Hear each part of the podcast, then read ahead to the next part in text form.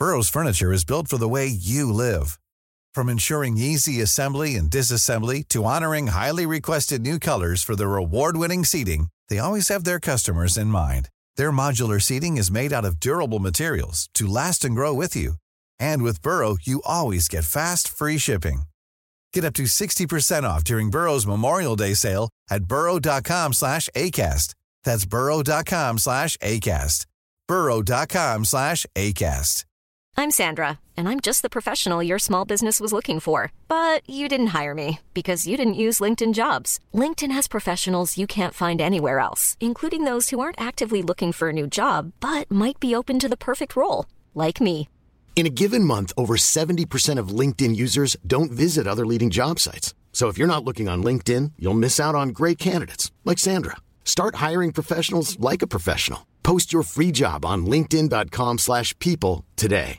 Everyone knows therapy is great for solving problems, but getting therapy has its own problems too, like finding the right therapist, fitting into their schedule, and of course, the cost. Well, BetterHelp can solve those problems. It's totally online and built around your schedule. It's surprisingly affordable too. Connect with a credentialed therapist by phone, video, or online chat, all from the comfort of your home. Visit betterhelp.com to learn more and save 10% on your first month. That's BetterHelp H E L P. Du lytter til en podcast fra TV2.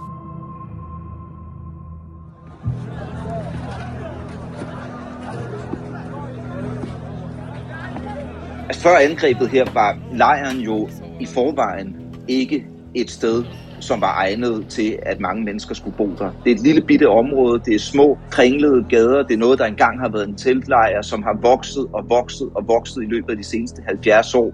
Der er ikke noget byggereglement, det er bare, du ved, en flygtningelejr, der er vokset til uanede dimensioner nærmest. Og så til nu, hvor vi ser de voldsomme billeder af store bombekrater, huse, der er styrtet i grus. De første billeder, der kom ud, kunne vi jo også se, hvordan der var lig rundt omkring, der lå legnet op, og folk, der bare gravede sig igennem ruinerne for at finde folk, der var begravet inden under dem.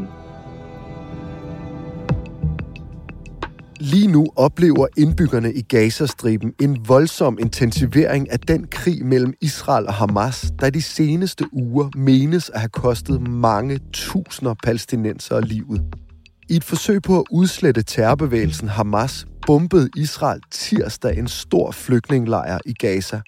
Dagen efter, altså i går onsdag, er der endnu en gang meldinger om angreb samme sted. We must now go to Jabalia. Some breaking news where there's been another strike, another bombing there. Det kommer få dage efter, at Israel har invaderet Gazastriben med kampvogne og soldater. Så hvor efterlader det de civile i Gaza? Og hvordan reagerer det internationale samfund? Mit navn er Joachim Claus Bindslev, og du lytter til Dato.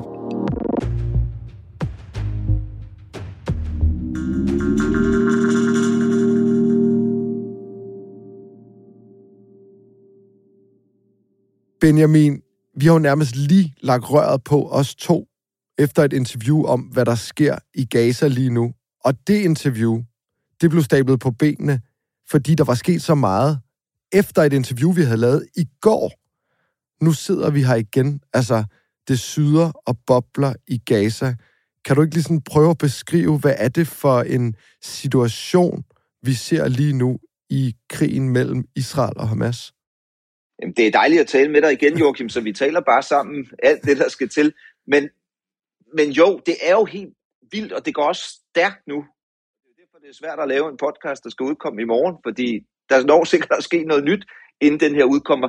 Men det, der er sket nu, det er, at den flygtningelejr, der blev angrebet i går, imens vi to taler sammen. Mindst 50 personer meldes dræbt i et angreb på Jabalia. Ja, den er så blevet angrebet en gang til. Det er sådan næsten umuligt på nuværende tidspunkt at danne sig et overblik over, hvad det er, der er sket i dag. Men vi så i går, at det var voldsomt. Siden da er der jo så blevet lukket endnu en gang for internet og telefonforbindelser, så derfor er det meget svært at få præcise informationer om, hvad der sker i Gaza lige nu. Det her er korrespondent Benjamin Kyrstein. Han har i mange år dækket krige og konflikter for TV2 i blandt andet Syrien og Ukraine.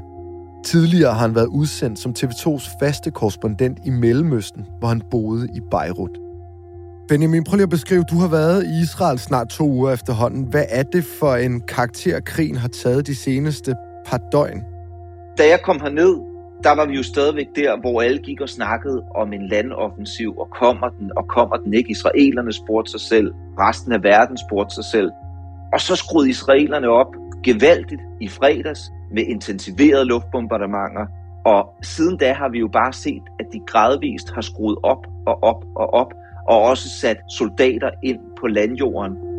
Det er så kulmineret indtil videre med de her angreb, også på flygtningelejre, og vi hører samtidig om nærkampe mellem israelske soldater og Hamas-krigere, som kæmper fra gadehjørne til gadehjørne. Vi hører om flere og flere dræbte israelske soldater og også dræbte Hamas-krigere.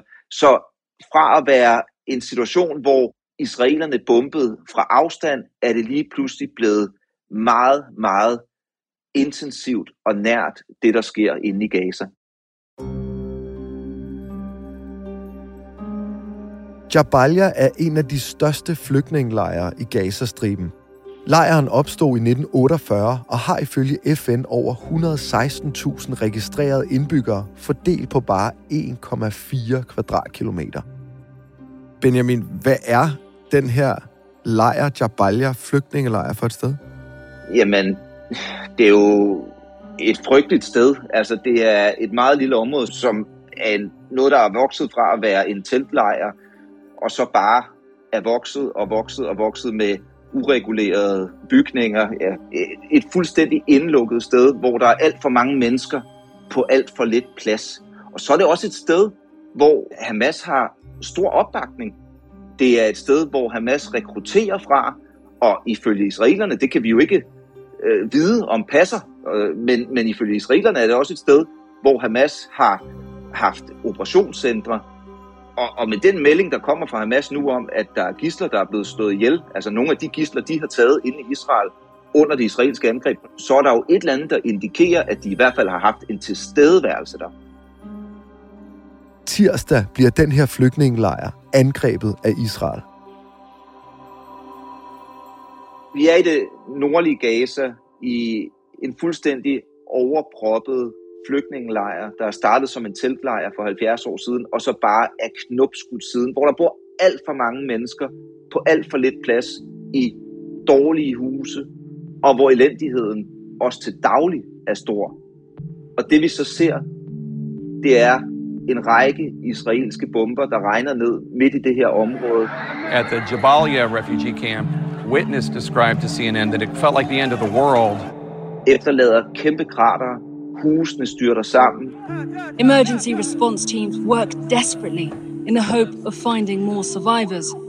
Og derudover er der også meldinger om deciderede kampe mellem israelske styrker og Hamas inde i, eller i hvert fald omkring lejren. Og som minutterne og timerne går efter angrebet, bliver det klart, at der er døde spredt ud over området.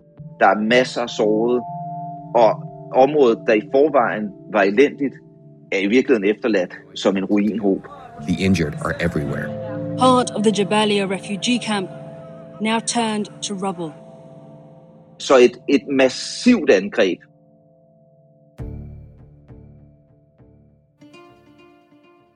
Hvor voldsomt er det her første angreb på den her flygtningelejr Jabalia i det nordlige Gaza? Jamen, det er voldsomt. Altså, de, de meldinger, vi får ud derindefra, er, at der er 50, der er døde, og så er der langt flere, der er såret og blevet bragt til hospitaler. Det er selvfølgelig tal, vi får fra Hamas, så vi skal tage dem med et vist forbehold. Men vi bliver også bare nødt til at sige, at når vi ser de billeder, der kommer ud, og også billeder fra kilder, som vi normalt stoler på, jamen så kan man se det voldsomt, og på, på nogle af de videooptagelser, øh, der er kommet ud, der kan man se 47 lig, der ligger. Så der er et eller andet om det, når, når vi får meldinger om, at det har været voldsomt. Og så kan vi jo også bare se, hvordan det område, hvor billederne er optaget i, øh, ligner en ruinhob, hvor der er kæmpe krater fra eksplosioner og bygninger, der er styrtet i grus, og vi kan se, hvordan øh, folk graver i murbrokker for at prøve at hjælpe øh, sårede ud eller finde øh, døde, der stadigvæk ligger derinde. Mindre end 24 timer efter, at flygtningelejren er blevet angrebet, bliver den bumpet igen onsdag. Vi ved desværre ikke særlig meget, fordi det, der er sket siden angrebet i går og frem til nu, hvor vi to så sidder og taler sammen, det er, at der endnu en gang er blevet lukket for internet- og telefonforbindelserne inde i Gaza. Så der kommer næsten ikke nogen informationer ud. Øh, jeg sidder selvfølgelig og prøver at følge med hele tiden, men det er meget begrænset. De informationer, vi har på nuværende tidspunkt, det er, at Israel havde kastet flyvebladet ud før angrebet, hvor de endnu en gang opfordrede folk i området til at forlade stedet, fordi det er en krigszone. Og så har vi fået meldinger om, at der er, at der har været et angreb igen, og vi får meldinger om, at bygninger er styrtet sammen, og der er såret, men vi, vi har slet ikke lige så detaljeret et billede, som det, øh, der tegner sig af, hvad der skete i går, fordi der ikke er adgang til kommunikation derinde lige nu. Ifølge Hamas er det også Israel, der står bag det andet angreb, men det er på nuværende tidspunkt ikke bekræftet af Israel. Der er så også en, en detalje, som jeg har bidt mærke i i løbet af dagen i dag, der er interessant, nemlig at Hamas har været ude og sige, at i angrebet i går var der syv civile gisler, altså gisler, som Hamas har taget under angrebet den 7. oktober, der er blevet slået ihjel. Og det kan man sige, det er jo en mere eller mindre indirekte indrømmelse fra Hamas side om, at de har været til stede i lejren, fordi det er dem, der har gislerne. Så hvis gislerne er blevet slået ihjel i lejren, ja, så har Hamas haft en tilstedeværelse der. Israelerne siger, at et af de mål, der var, det er en fyr, der hedder Ibrahim Biari, en leder i Hamas. Ved vi, om de lykkedes med at dræbe ham i det angreb, som til synligheden har dræbt over 50? Nej, det har vi ikke nogen anelse om. Øhm, vi har to meget forskellige versioner af virkeligheden, og det er ret typisk for, ja, for krig i det hele taget, og i særdeleshed i denne her krig. Vi har israelerne, der på den ene side siger, han var målet, og vi ved, at vi har slået ham ihjel. Og så har du Hamas på den anden side, som siger, jamen han var slet ikke til stede i den lejr. Um, så, så, så det ved vi ikke. Vi har ikke set billeder af ham i live efterfølgende. Så Hamas har ikke fremlagt nogen dokumentation for, at han er i live, men det kan man så måske omvendt sige. Uh, skal de det, er det ikke nærmere israelerne, der, der, der skal fremlægge noget dokumentation, og det har de så uh, heller ikke gjort. Det er ikke første gang, at flygtningelejren Jabaila bliver angrebet. Det vi ved, det er jo, at israelerne har angrebet den her flygtningelejr mange gange, bare i løbet af den tid, der er gået siden den 7. oktober. Og vi ved også, at under tidligere konflikter og krige mellem Hamas og Israel, der er det et mål, israelerne har ramt igen og igen. Og den her flygtningelejr er jo et sted, hvor at der er stor opbakning til Hamas, og det er også et sted, Hamas rekrutterer fra. Men altså sådan helt øh, lavpraktisk lige nu, så har vi kun israelernes udlægning og det, de siger, det er, at de er øh, efter Hamas-mål. Det er Hamas-mål, de øh, rammer, når de rammer derinde, og de er godt klar over, at der er civile, men de siger, vi kan ikke lade være med at nedkæmpe Hamas, selvom Hamas gemmer sig bag de her civile. Tirsdagens angreb på Jabalia-lejren har skabt stærke reaktioner verden over. Det har udløst fordømmelse hos en lang række lande, EU's udenrigschef Josef Borrell udtaler, at han mener, at selvom Israel har ret til selvforsvar, så er han forfærdet over det høje antal døde civile.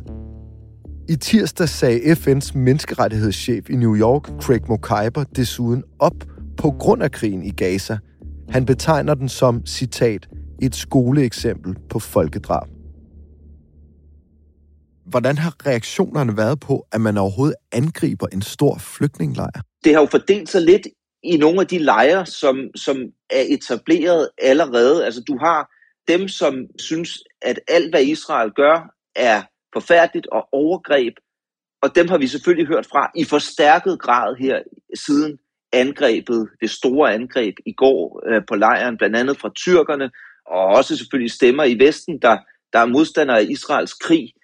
Og så har man også hørt fra Saudi-Arabien, som jo ellers har, har, har ligget sådan nogenlunde og boblet under radaren. De har også været ude og fordømme det her, og de er ellers nogle af dem, der er sådan på lidt bedre fod med israelerne end, end andre i den her del af verden.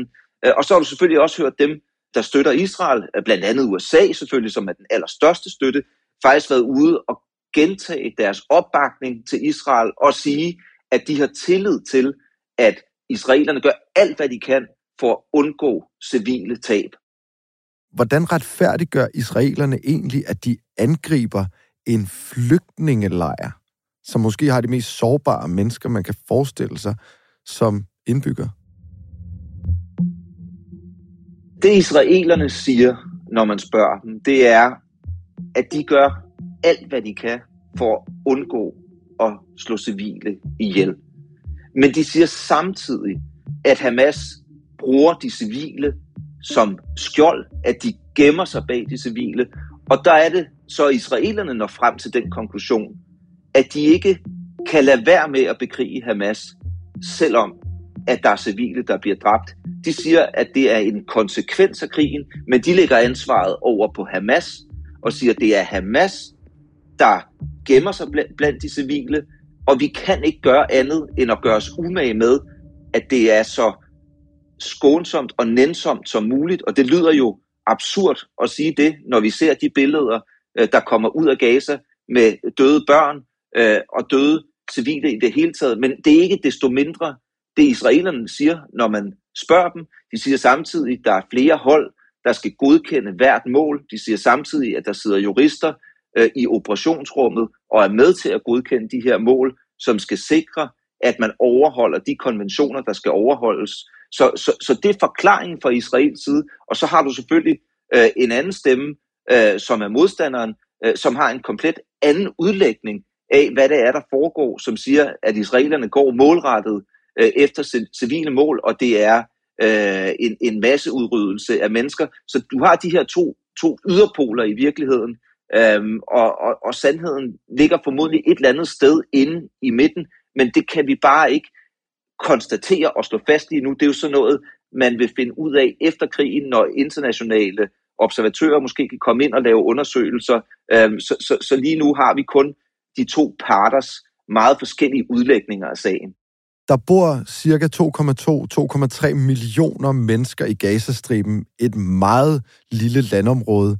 Hvad er det for et liv, de gennemlever lige nu? Altså, hvordan er den humanitære situation?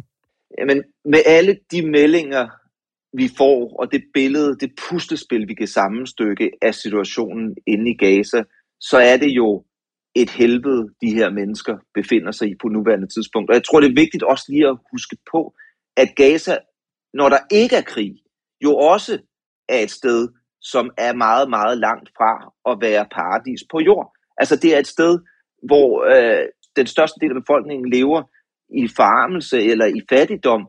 Øh, så i forvejen er Gaza et hårdt sted, og nu har vi så haft øh, massiv militær kampagne for Israel ind mod Gaza, og så oven i købet en igangværende øh, landinvasion.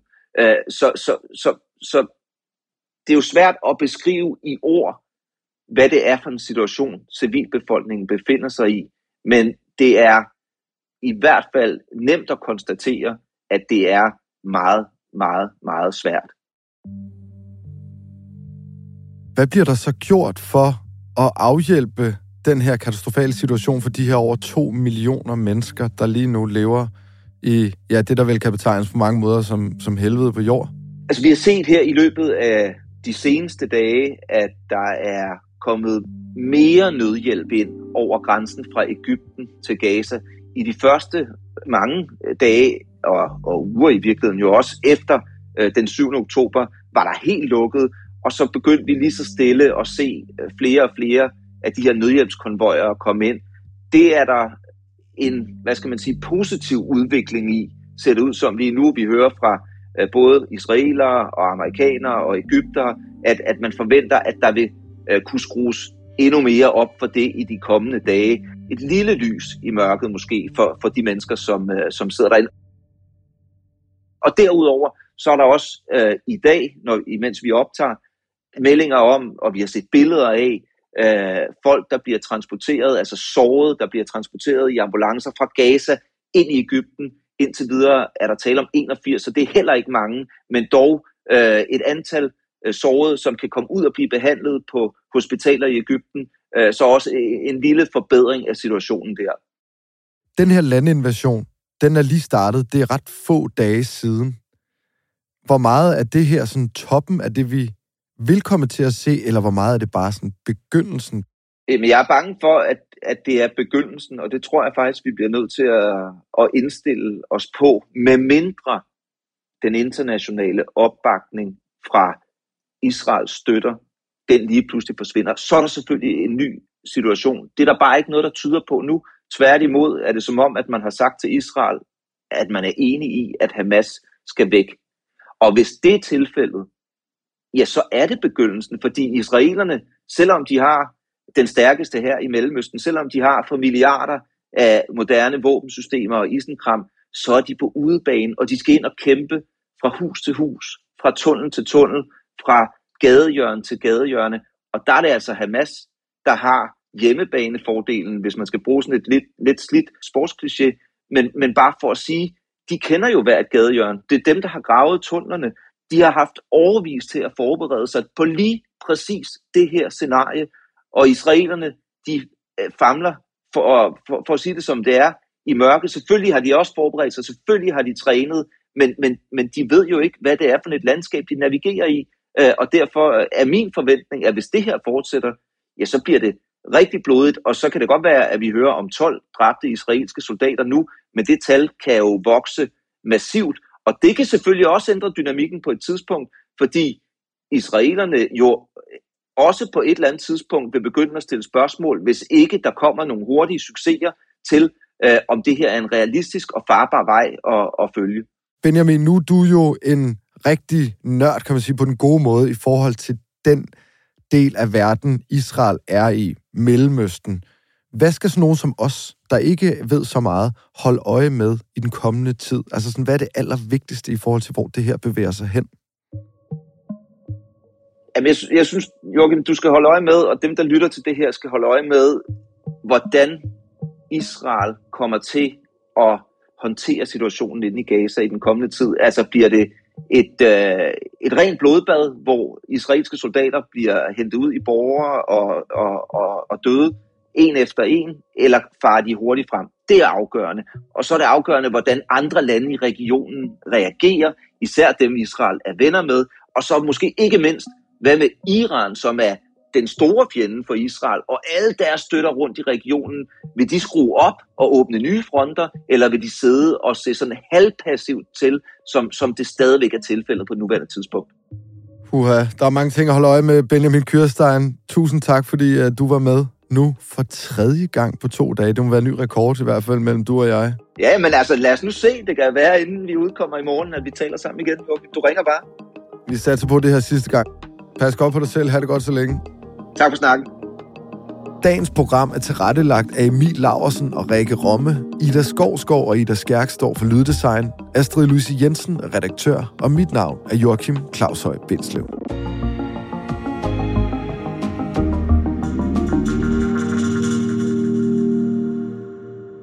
Lyttet til en podcast fra TV2.